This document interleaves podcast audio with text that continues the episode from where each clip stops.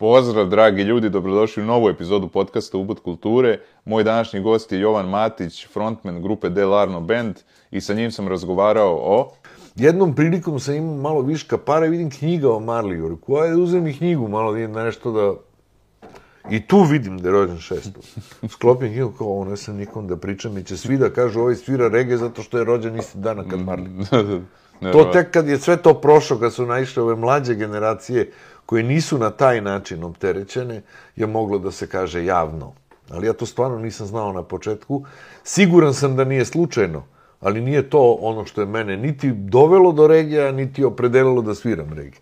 To je jako bitna razlika. A posle se samo uspostavilo. Ja se uvijek sećam face Julijana Marlija kad sam, kad sam mu pokazao. Upoznali su me s njim u skrcu kad je svirao.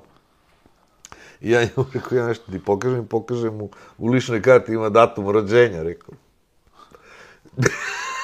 Gdje razdrugačio one oči, rekao. Šta ti kažem?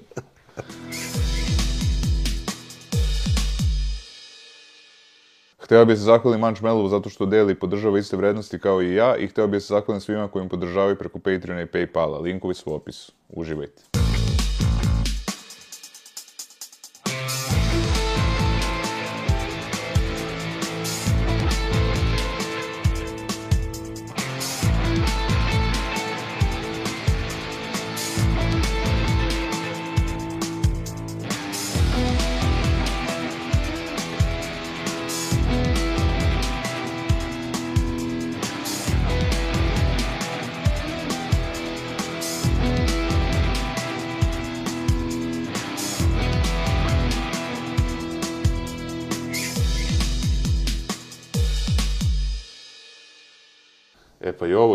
Dobrodošli, mnogo vam hvala što ste došli. Ma nema na čemu, dobar dan.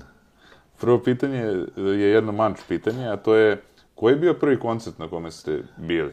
A evo, vrteo sam, ovaj, pošto si me pripremio na to pitanje, vrteo sam po memoriji, nisam sasvim siguran, ali jedan od sasvim sigurno prvih koncerta na kojim sam bio je bila ovaj promocija albuma kad bi bio Bijelo dugme u Pinkiju znači bilo dugme u Pinkiju, to je bilo tad kad je bio taj album, znači polovina 70-ih, da smo otprilike počeli da idemo. Odmah zatim je bio koncert Santane u Pioniru, e, to je bila turneja povodom izlaska albuma Barboleta.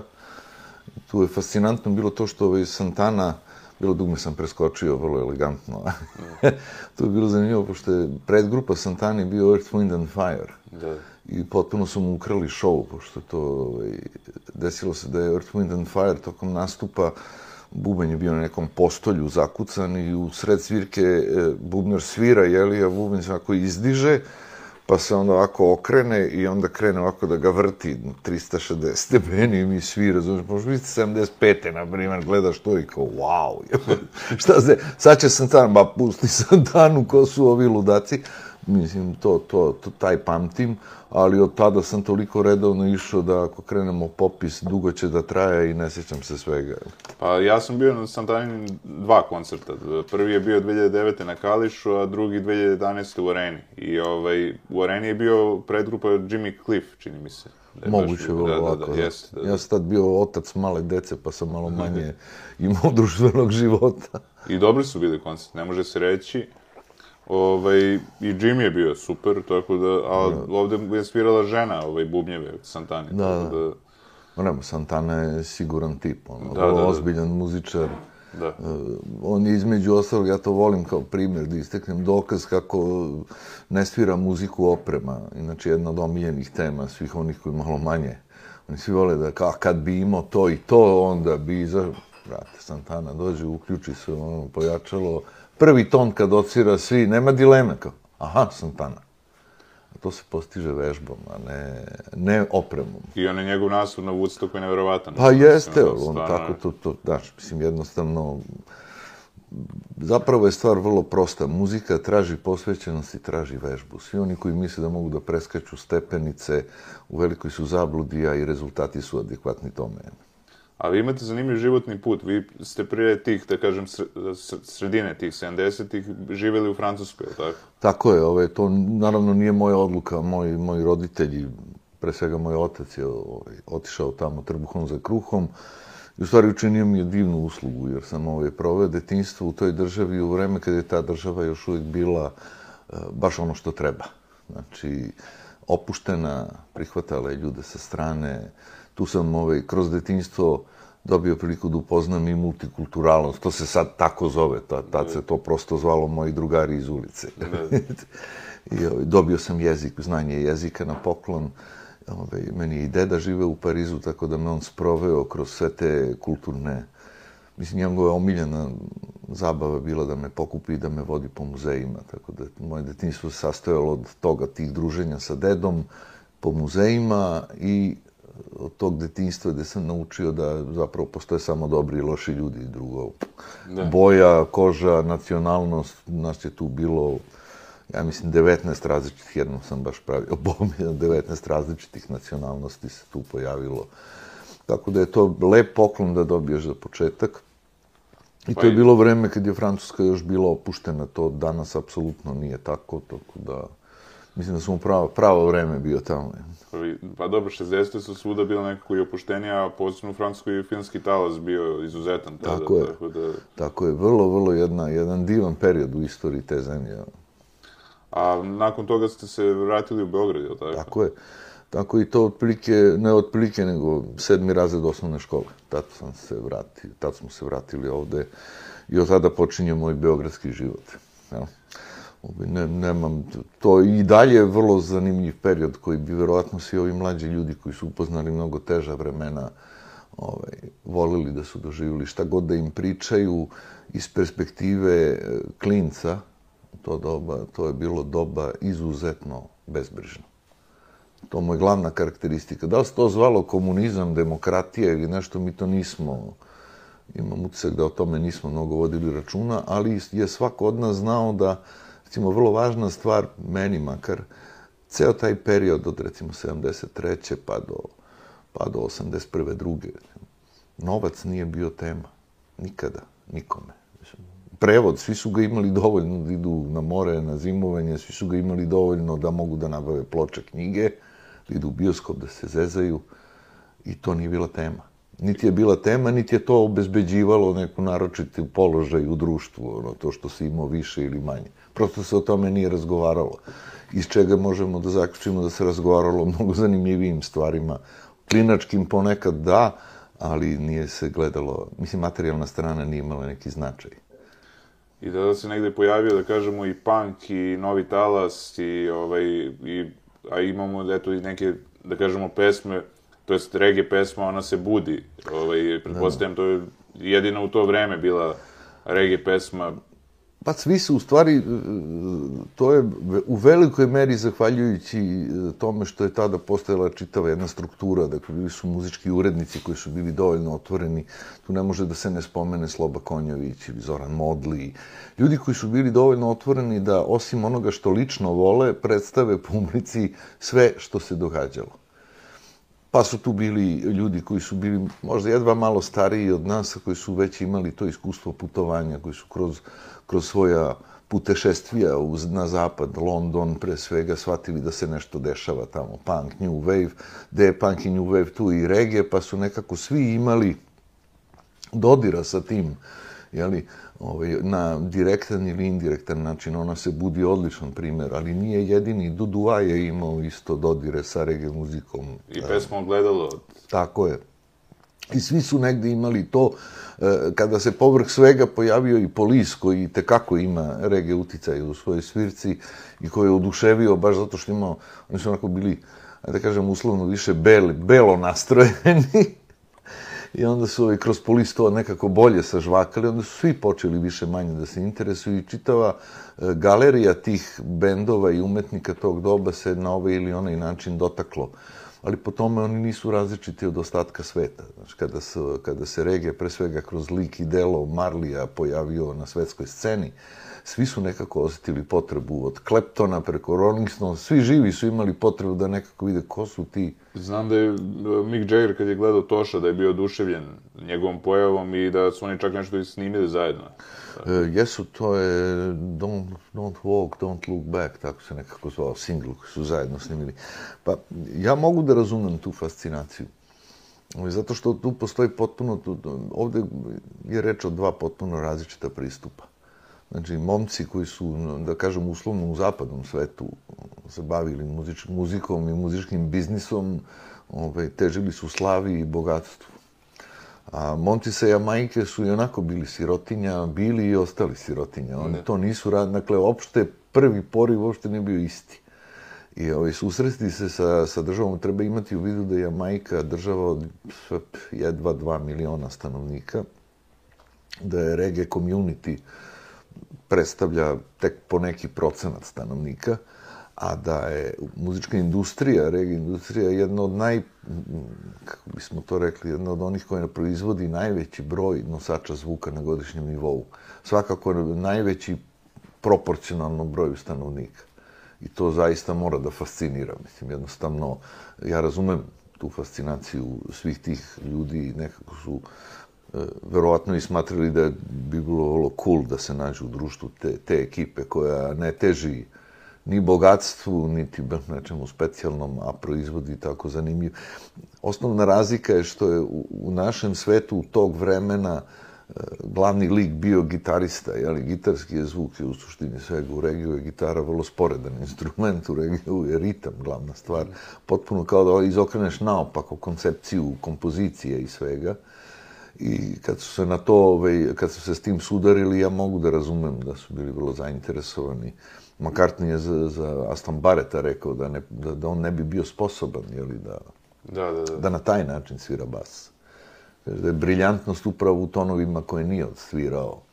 Tako da to mogu da razumem, a kad se na to doda taj element koji je apsolutno ovaj, čitao je to rock pop ekipi nepoznata, to je taj neki eh, kvazi duhovni element koji daje ne samo muziku, nego i nekakav predložak kako čovjek treba da se ponaša u životu, kako da živi, kakva je moralna vertikala jeli, koja ide uz tu muziku. Verujem da ih je to ovaj, više zaintrigiralo i to, to ta zainteresovanost traje do danas. Mislim, regije treba imati u vidu da je regije jedno od redkih muzičkih pravaca koji nije naišao, bio u piku i nestao. Nekako svi drugi pravci bio je protestni akustik, bio je sinforok, bio ovo, bilo ono, bio punk, koji i dalje živa, ali ni, ni na koji način tako snažno regije se provlači. Mislim da budem iskren, izvini, prekinuo sam mislio da budem iskren, kad sam ja imao 16 godina, nisam ni pošto slušao muziku koja je 40 godina stara. Da. da. Jel? Ništa nisam slušao. 40 godina staro, to je nepostojeće bilo u našim arhivama. Da. Mislim, slušao sam ja klasiku, ali to, da, da. taj period 40, prevrati unazad.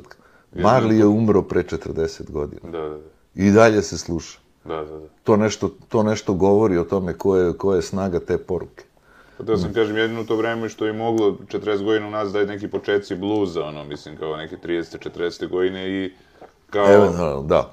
I to je to, ono, ali onda bluz je napredao umeđu vremenu i mislim onda je pa, to... Da, pa se pojavio ritam blues, rock and roll, da. pa neku, na, zaluđenici jesu, ali na globalno. Ti danas imaš ljude koji dalje slušaju albume iz 72. 75. Da, da, da. Da ih unesve šta je tu. I Imaš, delo je vrlo moderno i dalje. I dalje proučavaju produkcijske metode ili Scratch Perija, koje su još starije od toga, jeli?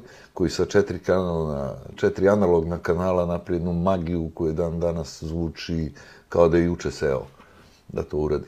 Jednostavno, to govori nešto o toj muzici i upravo zahvaljujući tim elementima, znači, ona je postala globalna stvar, zato što ne nosi samo pesmu, nego nosi i određene poruke, određene predloške. To je ono što je omogućilo da reggae postane internacionalno, da se zapati svuda na planeti.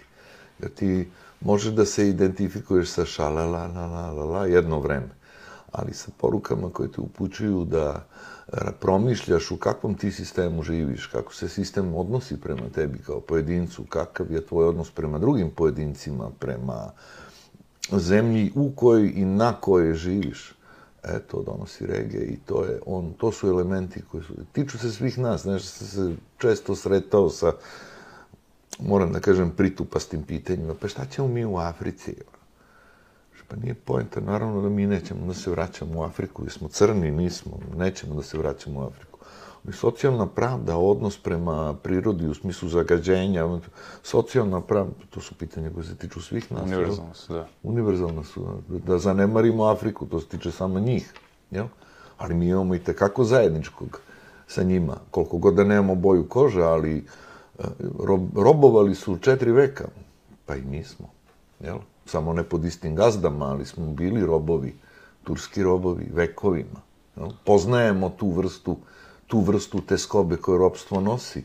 Te tako i kako imam nešto zajedničko, što bi rekli oni malo skloniji misticizmu, znaš, ono, Rastafari, ali ras, raška, i tako ima priča da je Sveti Sava tako putovao po nekim takvim regionima da je upravo se nalazi izvorišta Rastafari verovanja i tako dalje i tako dalje. Dakle, ništa to nije sasvim slučajno i ima i tekako razloga da se mi povežemo sa, sa tim porukama. A regije muzičari ne moraju nužno da budu rastafarijanci, ili tako? Apsolutno, to je jedno s drugim veze nema. Tako. Mislim, jednostavno ne mora, ne mora da bude... E, ne, ne postoji direktna uzročno-posljedična veza. Kao ne, ne može ono, ako si regije, moraš biti rastafari. Ne, ja, da. možeš da sviraš regije, u bendu nemam ni jednog rastafarijanca. Da, da. I to svih 36 godina. Apsolutno nikad ni jednog, ali imam vrsne muzičare koji vole tu muziku i koje u njoj daju svoje sve. I čak ni ja nisam, ja sam čovjek odavde, sa, i po običajima, veri i svemu odavde.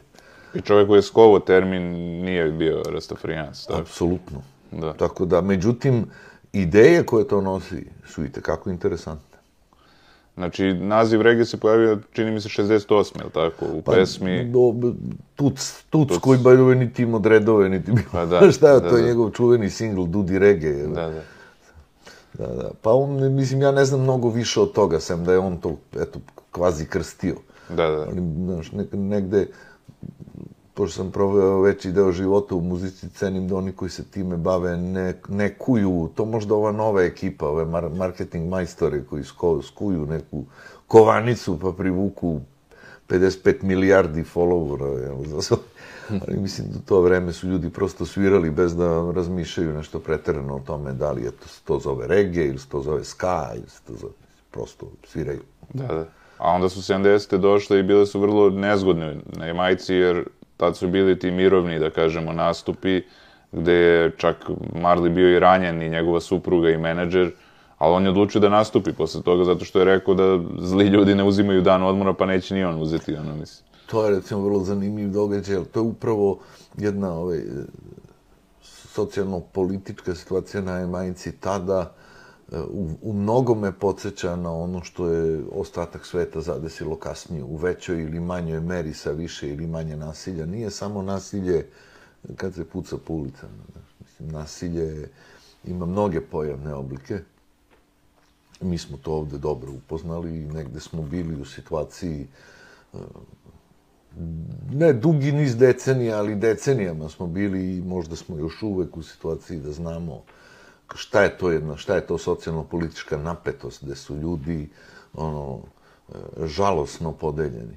Ne ulazeći u to ko za koga navija, prosto možeš da konstatuješ jednu žalosnu podeljenost, jednu, e, jednu pregrejanost u glavama kada se određene teme dotaknu ovaj, ali ja ne, nisam iznenađen, znaš, meni se čini, i to isto, ne samo to što nismo mi posebni po tome, cela planeta živi u tom ritmu, u tom ritmu jedna od glavnih, čini mi se, poluga sistema u smislu održ samoodržanja jeste da stalno animira podele među ljudima. I to podele koje su uvek dramatične i, i koje su vrlo često, sve češće, idu uz veliku količinu nasilja.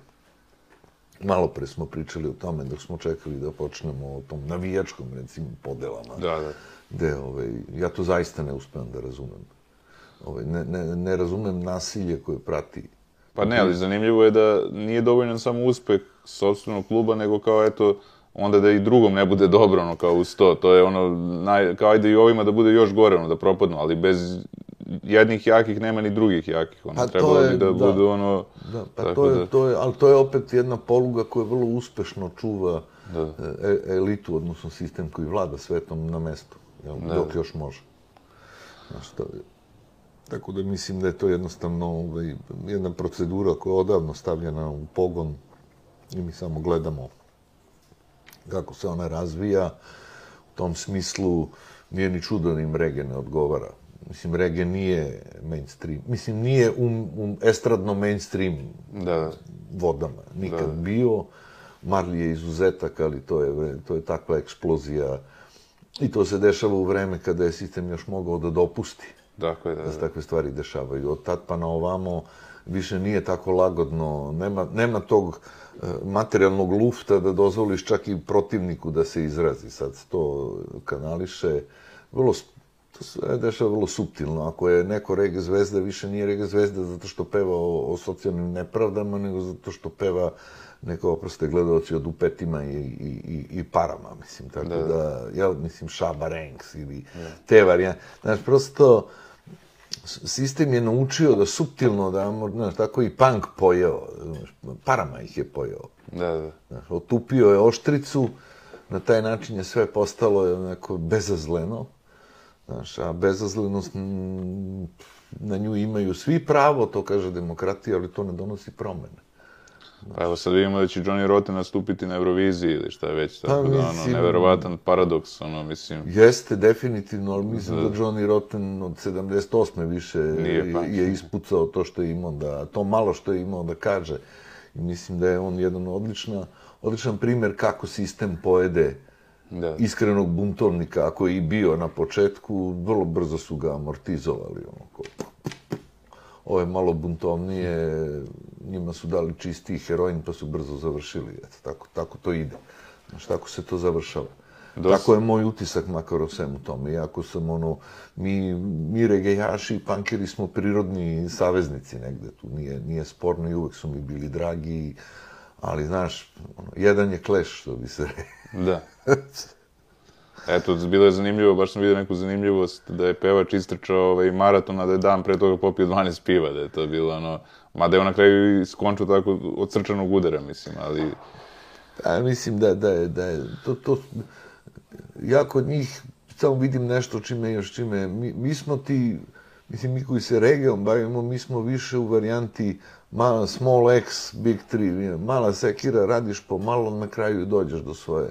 A oni su ovaj, toliko puni energije, ali nekako ono, sve glavu o zid. Da, da, da. Na kraju uvek zid pobedi, da, glava Da, da, da. pukne na kraju. Da, da. I mislim da je to bio glavni problem. I ostao. Ali eto, i nažalost, i, da kažemo, regije muzičari su tragično završavali, počeo od Boba, pa onda i ovaj, Peter Tosh, način na koji je on ubijen je isto vrlo onako, ne misteriozan, ali čudno, mislim, tako da... A to su, to je posljedica života u, u, u, u- takvoj sredini, Da, da. jel? To ti je kod da živiš u Srbiji 90-ih non stop. I tada je ovde bio život jeftin, jel? Da, da. I svašta se dešava, e pa na isti način. Pogotovo nije bio siguran on, onaj koji je uspeo da dođe do nekog imetka. Znaš, to je sad, znaš, oni ljudi dolaze sa dna, svi. Da, da. I svako od njih koji je uspeo sebi da napravi neko, mislim, toš u pitanju je koristoljublje, čisto, Da, da, jel? ili eliminacija od strane konkurencije, to se sve vrlo, to, o tome sam To opširno je bilo i u pričao. repu isto. Opširno sam o tome pričao sa Tadimanom, sreli smo se skoro, on je bio na Jamajci upoznat. Ne možeš tu, preveliki uspeh privlači mangupe sa opremom adekvatnom. Jel?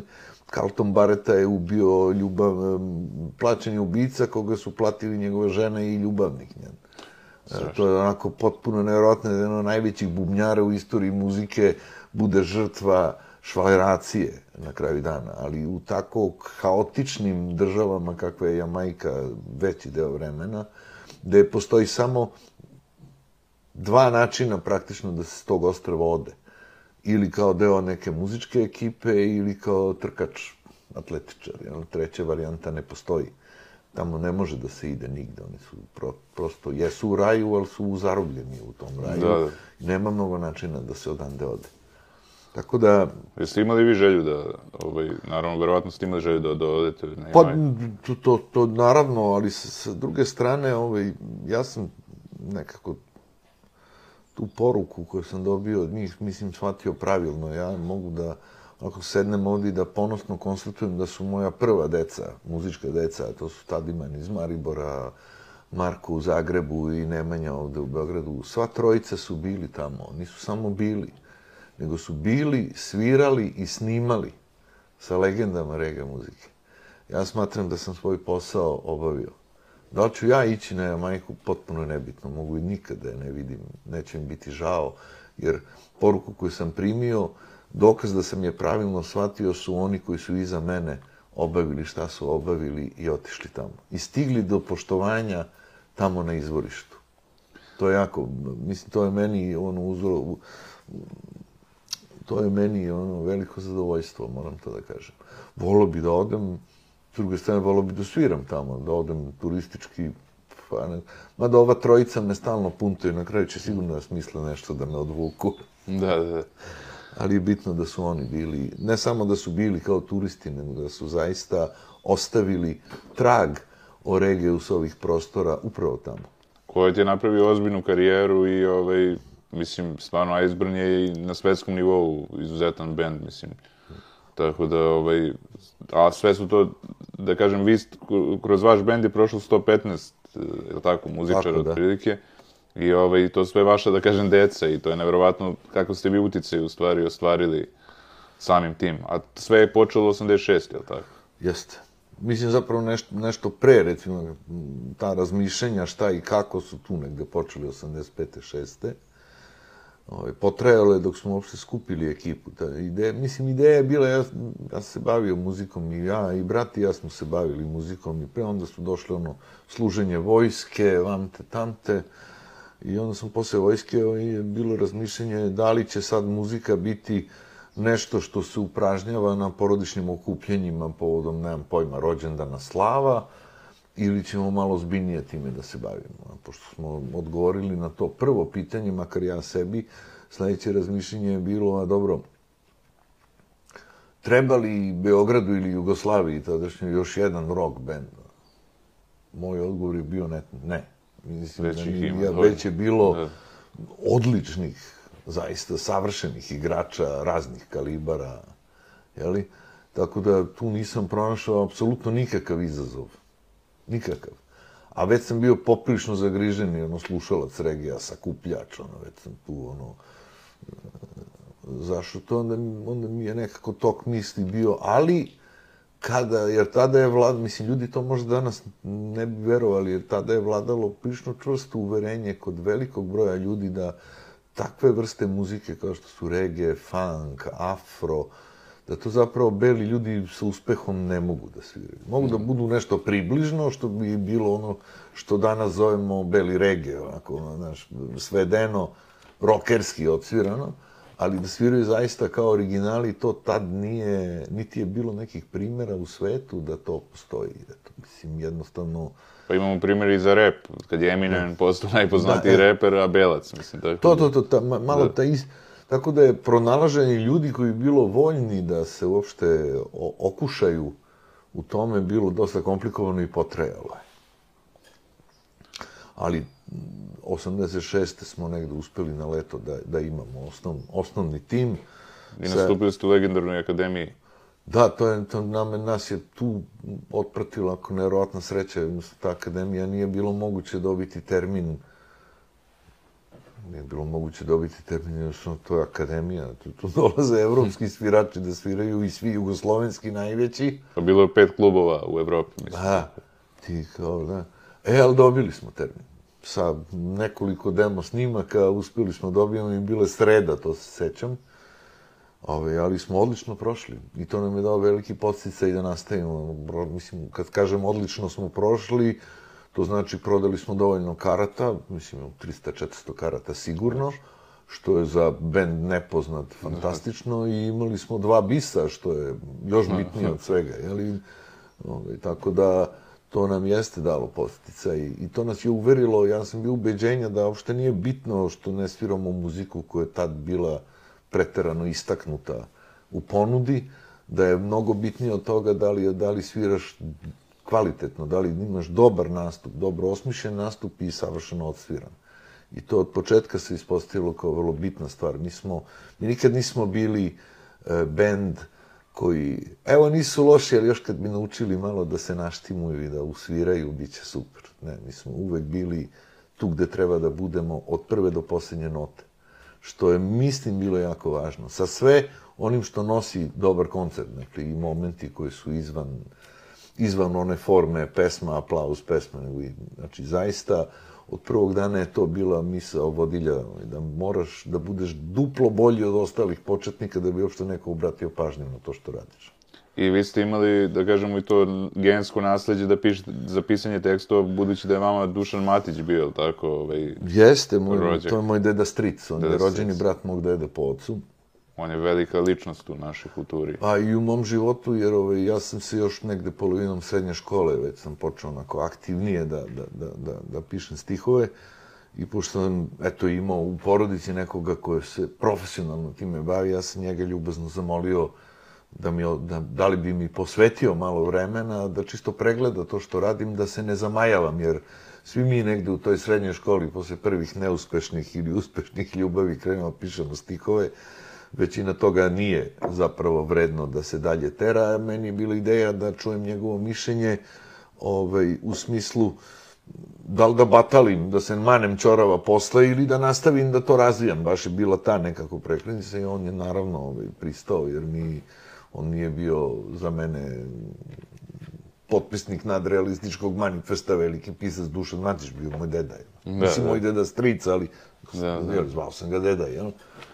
I onda sam ja subotom, on je ovaj, živeo preko puta restorana Bled na uglu Vojvode Dobrinca i danas valjda, bulevar nekog despota, bulevar despota Stefana, jel? I onda sam ja subotom prepodne išao kod njega, sa sve on sveskom, sveska pod mišku i pšt, kod njega i u njegove radnoj sobi, koji, isto kao što je ovde sve tapacirano CD-ovim, kod njega sve knjige. Ogroman broj tih knjiga, originali, posveta, bre Toma. Da, da, da. E, idemo dalje. I ništa, mi smo tu sedeli, razgovarali o književnosti, o poeziji, on je čitao to što radim. I onda je zapravo odigrao jednu veoma bitnu ulogu u mom životu, jer je u jednom trenutku me pitao, ja sviraš ti nešto? Ja kažem, pa sviram malo gitaru, malo se. Znači, znaš, ovo sve što pišeš, to je, to je jako, da se razumemo, dobro je. Kao ima smisla to terati dalje, ali nekako se meni čini kako bi to išlo bolje uz muziku. Kao da je pisano za muziku, ne za čitanje, nego za pevanje.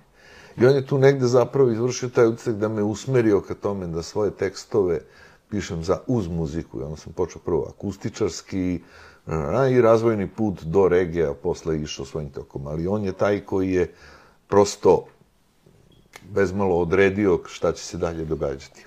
Dakle, književnost je dosta uticala isto na vaš put, da kažem.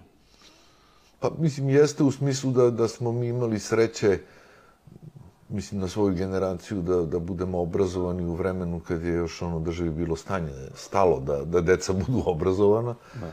Imali smo odličnu podlogu u tom gimnazijskom, ja, tako da smo tu otkrili sve i svašta, ja sam ono što je, pojavili se odma struje, oni koji su bili više zainteresovani prirodnim naukama, u što ja ne spadam, zaista, ja sam posveđan sa tim. Nisam nezainteresovan, još manje imam ono da ne poštujem, ali ja sam bio ono, književnost, umetnost, muzika, to, to, i tu si imao prostora da se razvijaš, ono, tu su, kapije su ti se otvarale, profesori su bili dovoljno dobri da te upute, da te zainteresuju, tako da jednostavno imali smo sreće.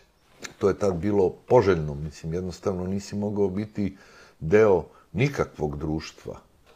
Znači, nisu bile podele ko danas na mangupe i kako ih zovu, ove, dorks, štrebere.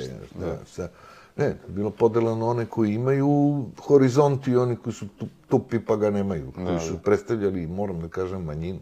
Da jer ti jednostavno nisi mogu ni sa kim da sedneš. Da tad, nećete verovati, ali tad devojke nisu padale na mobilni ključ od Mercedesa. To ih apsolutno nije zanimalo. Ako nisi pročitao određeni kontingent knjiga, video određeni količinu filmova i nisi bio u stanju o tome da pričaš, nisi imao nikakvu šansu. Da. Tako da u tom smislu to vreme bilo...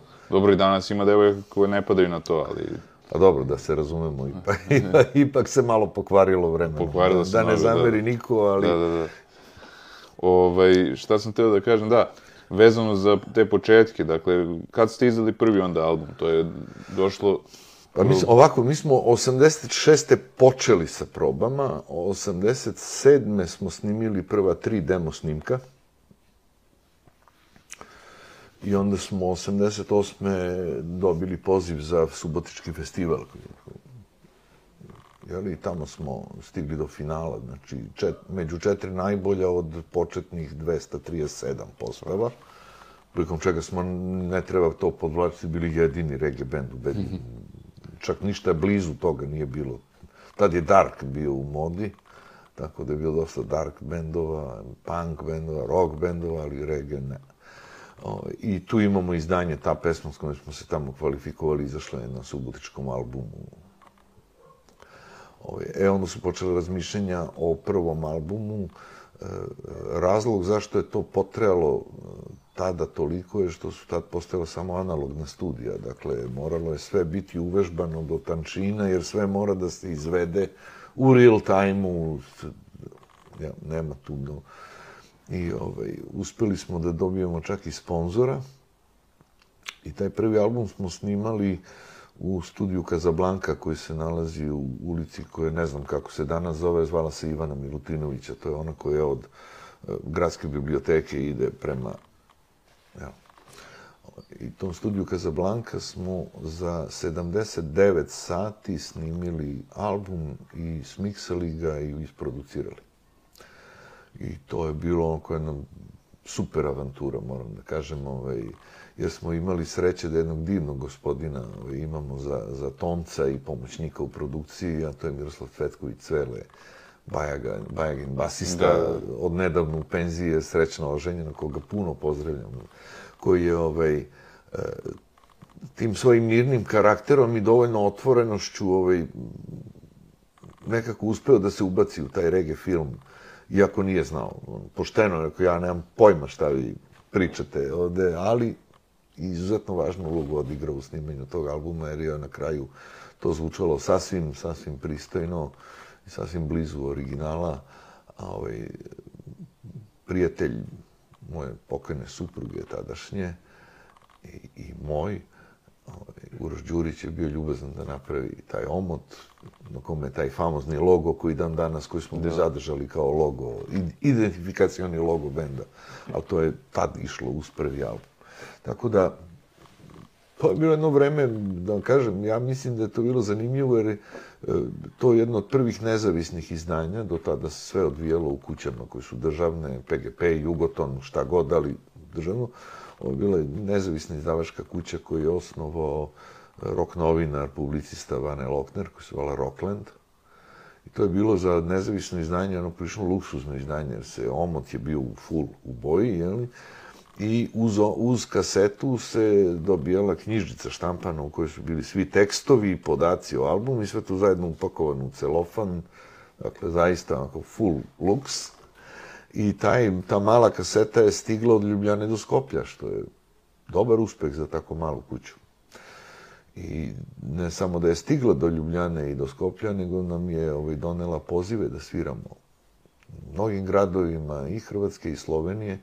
Međutim, svi su ti nastupi bili zakazani za jesen 91. a na, a na leto 91. je počeo rat iz kojeg se država raspala. Tako da je kompletno uloženi trud u to ovaj, otišao zajedno sa Barutom. I vi ste do sad izbacili pet studijskih albuma, tako? E, valjda, ja nisam baš brojio. Nedovoljno ako mene pitaš, ali za to postoje neki razlozi šta objektivni, šta subjektivni. Sad radimo na tome da to nadoknadimo. A kako je došlo do toga da obradite pesmu Treći svet? Što neko kaže da, mislim ne neko, nego dosta ljudi misli da je bolje od originala ta obrada. Sad. To, to misli i Rundek, a to nije njegova pesma, da se razumemo, pesma je Srđana Sahera. Aha. Ja to nisam dugo znao, pa sam morao sa Srđanom da, da, da to ljubazno objasnim, pošto ja. nije mi bio dostupan. Pogrešno čovjeka sam pitao za dozvolu. A došlo je do toga što smo, moja Ivana i ja, smo obožavali album Treći svijet. Pogotovo ona. I kada je došlo do toga da se snima regeneracija, velika nam je bila želja, meni je bila velika želja da, da obradimo nešto sa tog albuma. Da, da. I uspeli se spojiti nekako i etno na početku sa ovaj... Da, da. Pa to je negde subverzivno napravljeno, pošto je to 95. a to je vreme da, da kada međuetnička mržnja onako bukti. I onda sam, onda sam, onda je meni pao napen da bi bilo dobro da tu spojimo sve, da, da pomirimo i ove šašave narodnjake, eli, koji su nam otrovali kulturni prostor i da pomirimo srpske narodnjake, hrvatskog autora, srpski reggae band i sve ako smiksamo, razumiješ, to namjerno to glamočko nemo, jer u tim područjima lika i te, tam, tamo nekako ta, ta, ta, ta crvena boja sukoba najjače sijala, jel? pa smo mi onda namerno ta, ta, ta, ta, ta, ta, ta, ta, Tako da je ispalo, ispalo je zapravo dobro. Ispalo je dobro, a ovaj, učešće paganki u svemu tome je imalo za cilj da sve tada, tada je, to je doba ovaj, apsolutno maksimuma turba i te, te varijante. A hoćete narodnjake? E, vidite, ovo je originalna narodna muzika sa ovih prostora. To su one. To, su, to, su, to je zapravo naša narodna tradicija, a ovo sve ostalo je neki poluteheran, ali dobro da ne ulazimo u to da je. Tako da je sve to nekako se spojilo u to i mm, rezultat je, da, bio dobar. Dobar i video se i Rundeku, na kraju dana i Saheru, pošto smo uspeli da usko po, da uspostavimo kontakt, da on ču. Tako da, i slažem se sa, i sa njima da je to, da je verzija bolja nego njihova. Ali, mislim, to je sad, redko se to dešava, ali prosto, eto, to, tu nas je, eto, kao, posrećilo nam se.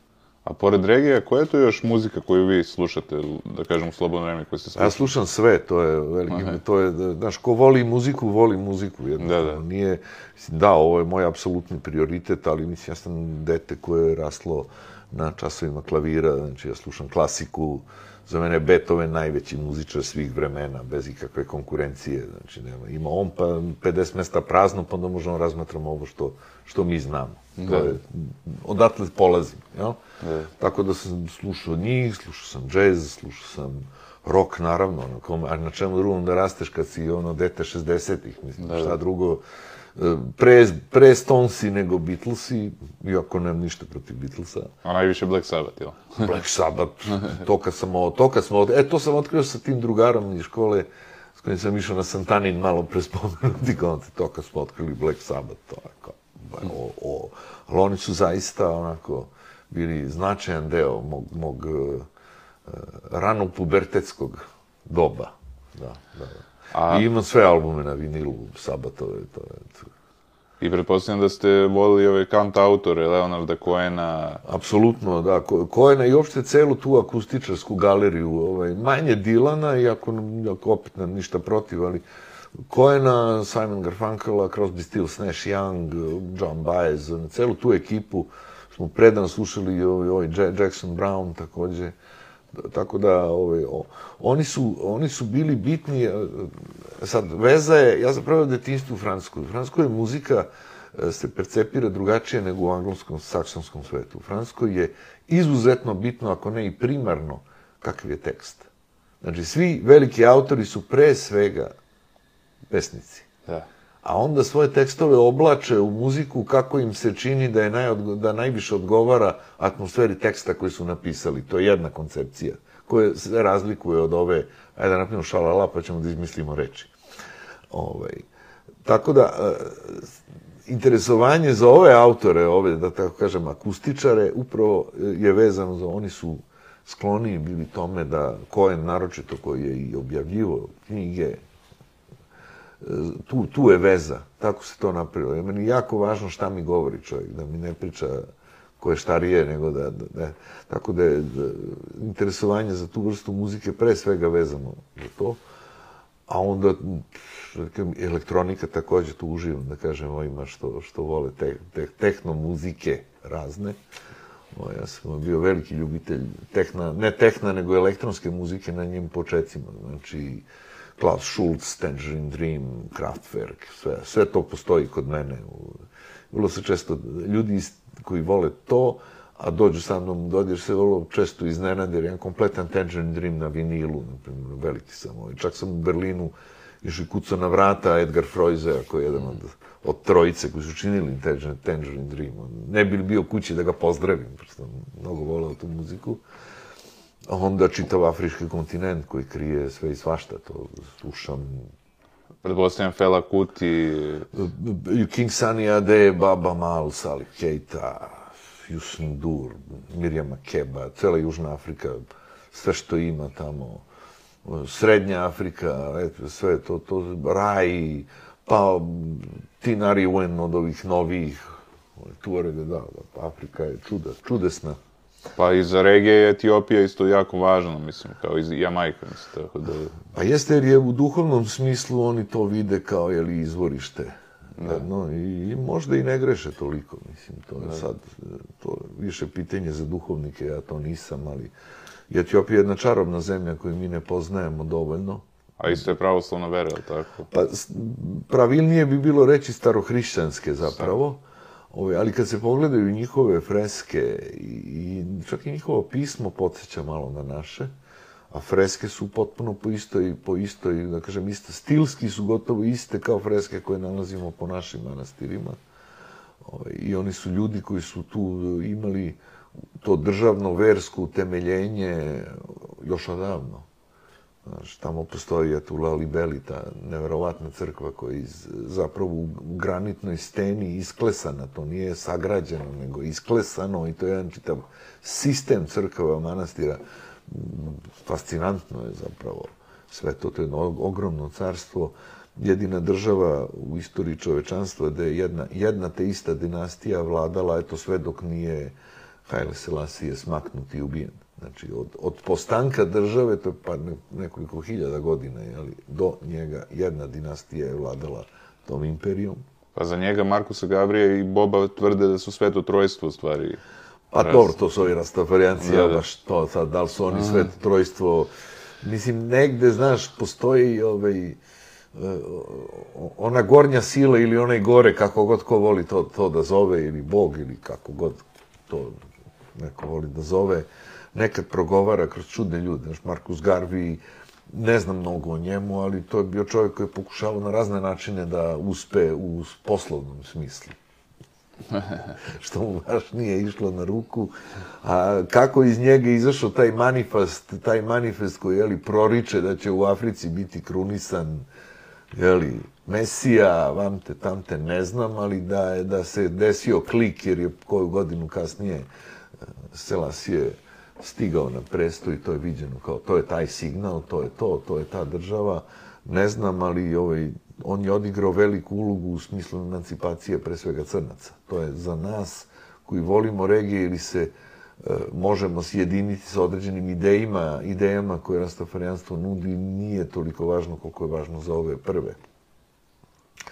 A Marli je čovek koji je sam po sebi On svakako nije jedino što čini rege, svakako nije, nije prvi, to je definitivno, ali je njegov značaj u tome što je on od toga napravio nešto što je svetska fora. I to ne bi uspelo, ni, ni to nije uspelo nikom drugom. Da nije bilo njega, mi danas ne bi ni znali za te ljude, verovatno. Oni bi svirali na svom ostrovu i to bi bilo to. Da, da, da. A vrlo je zanimljivo to da je on prepisao vajda prava od No Woman, No Cry svom prijatelju, Viktoru Fordu, da bi pomogao oko narodne kuhinje. Jamajčas. Vrlo je moguće to, ja imam, znam mnoge priče o tome da je on ono, ali to na Jamajci nije, e, niti jedna, čini mi se, zvezda, niti jedna rege zvezda koja je nešto uspelo para da skupi da. van Jamajke, nije ostao dužan svom, svom kraju. Da, da. Tako makar za većinu, to su priče koje ja znam. To govori samo o tome da, da to mu dođe, kako to najbolje da razumeju naši ljudi? Pa ko Marinko Vara. To je ta vrsta i organizacije i solidarnosti. To su velike porodice, to su e, komšiluci o kojima se vodi računa. Navodno je vas da 50 ljudi išlo s Marlijem na turneju, od kojih je desetak sviralo, a svi ostali su se šlepali. Ali to me ne bi iznenadilo da je istina, mislim, i to je u redu svakako je u redu.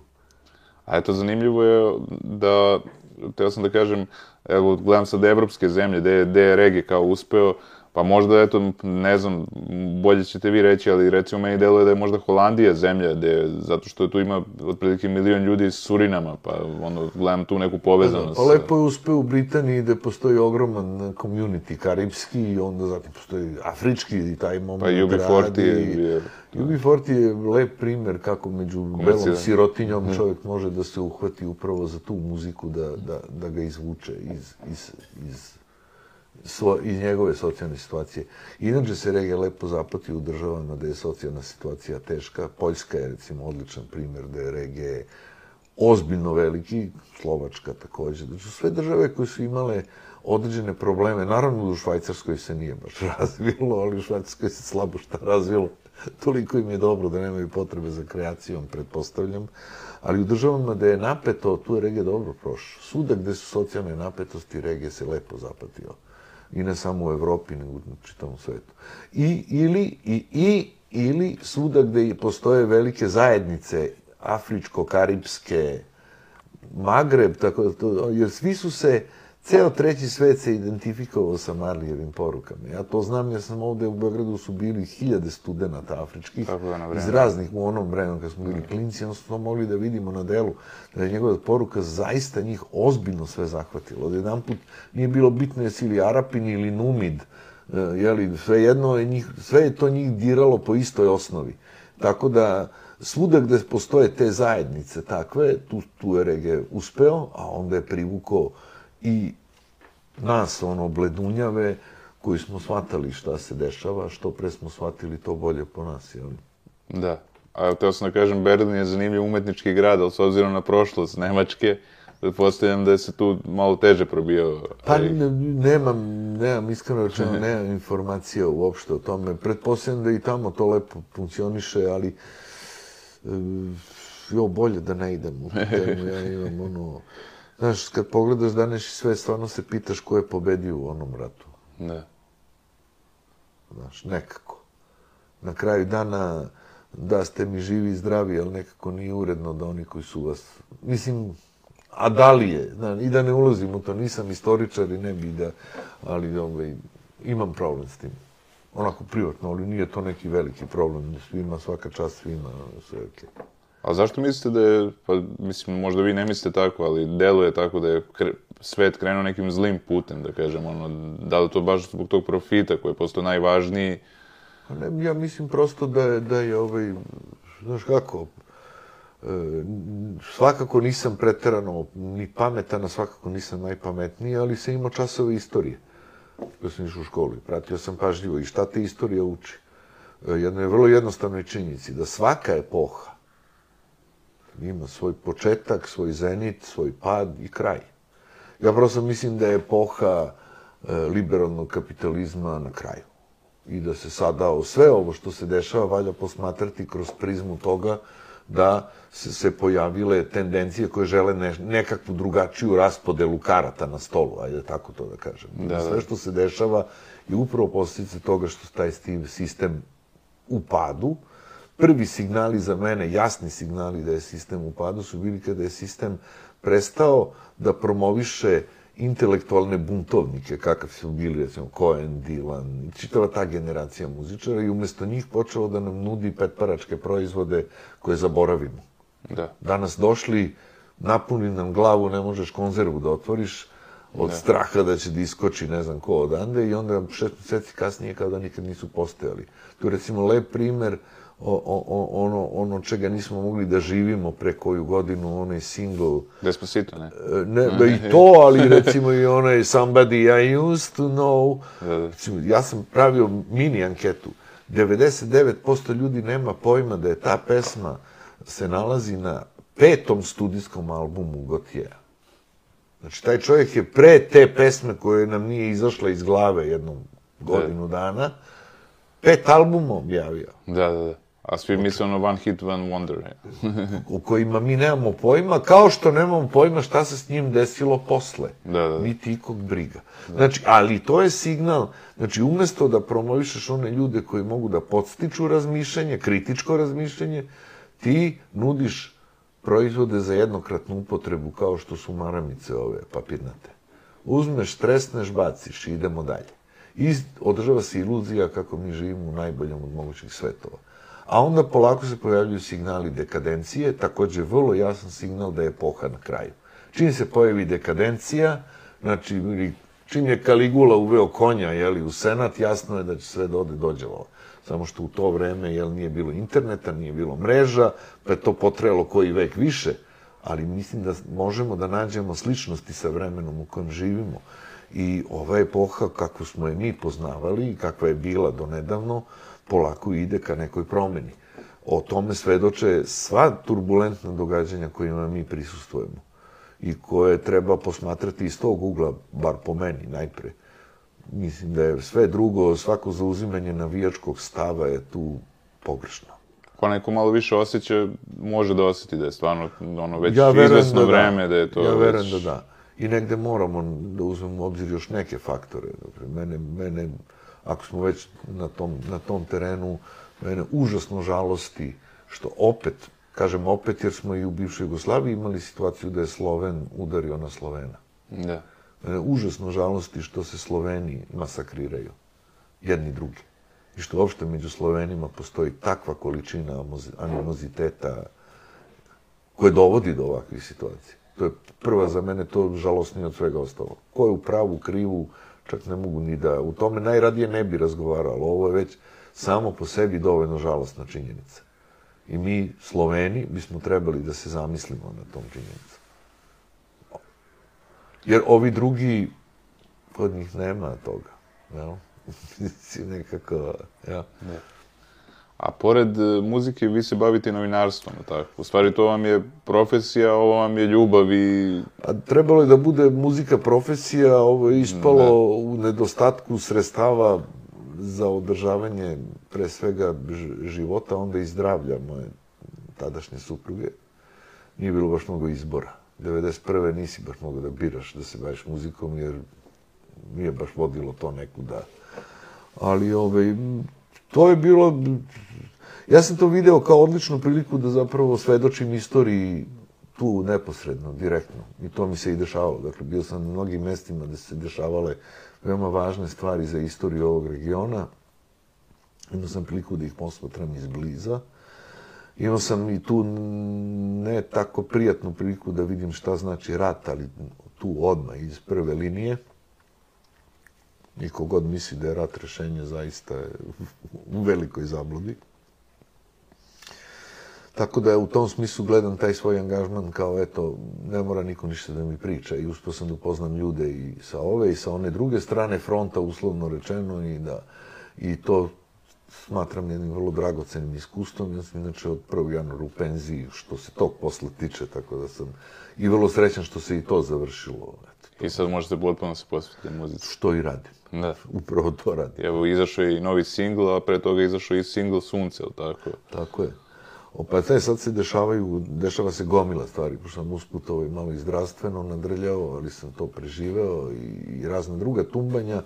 Nekako je ovo neki reset, ono, dobio sam priliku da počnem život iz početka, što bi rekla bi narodnja, ovo je što bi rekla Beti Đorđević, počnimo ljubav iz početka. Ovaj. I sada radimo, paralelno radim nekoliko stvari. Mislim, radi se novi album Delarna, svi ovi singlovi će biti deo tog albuma, međutim, to smo malo smo stavili na klupu za rezerve, jer usput sam ja ovaj, sva ta svoja iskustva iz tih velikih promjena koje su mi se desile, ovaj, pretočio u 12 pesama koje bi želeo da najpre predstavim kao solo album. Dakle, snimam svoj solo album. Ovaj, to je malo drugačija muzika od onog na što su ljudi navikli od mene i od mog benda. I onda na preko toga radimo Nemanja, odnosno Horseman, koji od prvi put u karijeri radi album na maternjem jeziku i Delano Ben će svirati taj album, aranžirati ga, mislim, zajedno sa njim. To je vrlo uzbudljiv projekat, otprilike neki otac, sin, ono, film, od koga očekujemo i dosta bit će to sasvim dobar album. Pa smo onda ovaj, jednu davnašnju priču koja seže onda kad smo radili Treći svijet, i sa pagankama, onda se je razgovaralo o tome da eventualno tu srpsku tradicionalnu muziku spojimo sa muzikom koju mi radimo. 2019. smo završili taj album, doduše ne sa pagankama koje su među vremenu penzionisale, ali su dve učestvovale, osnivačice su učestvovale. Napravili smo ceo jedan album koji se zove Summit, koji se sastoji od starih srpskih pesama za koje je Delano Band dodao muziku. Tako da četiri, pet projekata radimo paralelno, da, da zaista ovaj, radim više nego kad sam radio. Odlično, odlično.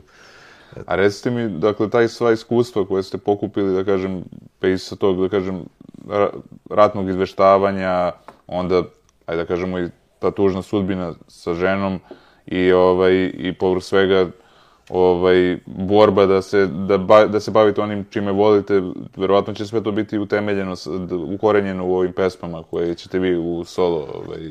Ma da, ba, mislim, to ukorenjeno u sve, on, u sve što, u sve što radim, sve što, sve što sam video. Mislim, i, znaš, negde sam imao to, tu privilegiju, ali i žalostnu privilegiju da, da prisustujem brojnim, brojnim ružnim događajima. I muzika je nekako bila uvek jedan dobar kontrateg. Ta nepokolebljiva vera da muzika koju sviram pruža e, recept kako da se prevazilaze te situacije i kako da se one izbegnu u krajnjoj liniji, uvek je bila dobra protiv teža. Ali sve se to nekako... Ovo sad što će činiti solo album je samo jedan dnevnik ozdravljenja koji se tiče zaista samo ovih posljednjih događanja koji su me zadesili, ne načelog životnog. I Da, i ovaj zdravstveni problem koji I zdravstveni problem koji sam imao i privatni i poslovni problemi koji su se javili nekako svi u istom periodu. Ove su me natreli, ja sam se nekako ulenio, inače sviram pomalo gitaru, onako, kažem, pristojno mogu da se pratim, ali se čovjek ulenji kad ima 12 muzičara, mislim, malo bez veze da je ja tu kao nešto. kad imam take majstore oko sebe. A onda sam ja kroz ovaj, želju da ozdravim se, dograbio ponovo gitare i počeo da radim, onda su krenuo pesme da izlaze i onda je nekako se tu napravila jedna koncepcija koja se vrti oko sviranja te akustične gitare. Dakle, nije... E, I zato je to solo album. I da bude malo drugačiji, da se malo obratimo drugačijoj i, i vrsti publike, eventualno, pošto ima još puno ljudi koji me, kad kažeš reggae, njima je to, e, pa kao, ajde da vidimo malo za, zaobilazne strategije, a ja probam ovako, jel, dobra pesma, dobra je, pa dobro, svirali je ovako ili u reggae, opet je dobra pesma. Elem, a ovaj, tako da, da, eto, mislim, to je spontano, ja sam mislio da, da tu uključim ceo band, ali su oni nekako izinsistirali da to bude solo, solo projekat za početak ali veliki deo tih materijala je vrlo upotrebljiv za ono što će delarno raditi, tako da nemam ono, prosto, vrlo sam zadovoljan što radimo toliko stvari od jedan put. E, I nekako se kroz, kroz sve te ideje su se pojavili mladi ljudi koji su ono zaista ove, ovaj, sjajni saradnici. Mnogo mi je drago što sam na njih naišao i što možemo da... E, u, zapravo, u ovom trenutku Delarno banda gradi temelje nečega što bi trebalo da postane neka vrsta fabrike, muzičke fabrike koje radi u raznim pravcima, okupljuju se ljudi koji sviraju, ljudi koji snimaju, nekako tendencije da skupimo da sve ono što se tiče muzike od note do slike skupimo na tom mestu gde, gde, gde je naš studio i da odatle proizvodimo razne vrste gotovih proizvoda u raznim kombinacijama to je bilo idealno, to je zaista onako jedan, onako za sad daleko sežni san, ali udaramo temelje toga upravo kroz ove projekte. I zapravo je poziv ono, za one koji su zainteresovani. Najtanji smo na društvenim mrežama i na videoprodukciji, ali ako ima zainteresovanih, mi imamo volje, prostora i mogućnosti da, da napravimo da ti ljudi mogu da se izraze kroz ono što radimo, ako ih mi zanimamo i to je negde sad neka globalna ideja. E sad, ispod idu pod, pod kategorije, ne znam, album sa Jenđama, ne znam, Nemanjin album, solo album, Novi Delarno i ko zna šta još tu sve. I ne samo da to radimo na, na lokalnom nivou, nego, pošto imam i više vremena sada, e, kontaktiramo svoje drugare koji se isto tako u regiju, u regionu, od ima u Mariboru, Marka u Zagrebu, pa polako da sklapamo kockice. Tako da svi oni koji misle da bi mogli, da, da bi želeli da ih zanime da budu deo ovakve priče, pa nek se jave, mislim. A to je poziv. Ima mesta za sve, mislim, ono, ko, ko, i tendencija naravno nije, znaš, ja sam savršeno svestan da danas ljudi funkcionišu po principu e, koliko, će, koliko ću ja tu da budem dobar pa da vidim da li mi se isplati da izvadim opremu iz kofera, Ovde je jedan princip koji je onako malo stariji i od mene, a kamoli od njih, to je prvo ćemo spremimo proizvod pa ćemo da ga prodamo i onda ćemo da delimo kolač kad ga budemo prodali, a znači nećemo obrnuto. Pa na kraju krajeva vi ste veliki bend, tako da ono, mnogima bi trebalo da bude i čast da se vama sarađuju. Pa, Koliko vas broji trenutno? 20 članova? Pa ne, ja, ja sam rekao okvirno. Delano Band ne, ima 12, odnosno 12 do 13, zavisno od budžeta članova formalnih, ali tu postoji akustični deo Delano Benda, gde postoji još troje novih ljudi, pa postoji još jedan novi tonac, pa postoje šoferi, pa, razumeš, tako da okvirno 20 ljudi se tu mota. Ali to će biti 20 ljudi kad se doda postava Delarna, postava ovoga što se zove, mi to zovemo intimno, taj solo projekat će se zvati intimno. Jel? Pa postava intimno, pa ne znam, tonci snimatelji, pa ako se još na to nadovežu ljudi koji bi radili društvene mreže i kamermani, ili oni koji bili zainteresovani da učestvuju u videoprodukciji, bit će tu dvadesetak ljudi u celoj onako, a ja mu tu dođem ko selektor Pixi, ono, biram ko igra u utakmice. A recite mi, vrlo je čudno, ovaj, verovatno su vas to već mnogo puta pitali, a to je da delite, ist, ist, na isti dan ste rođeni kad i Bob Marley. Da li mislite da to ima neke veze i simbolike sa Pa svim ne, što... nema nikakve sumnje da sve ima veze. Ja apsolutno ne verujem u slučajnosti, ali ovaj, ono što me vadi, pošto e, ovde kod nas stvari ovako funkcionišu. Neko, li- e, uzet ću hipotetički da se niko ne bi našao pogađen.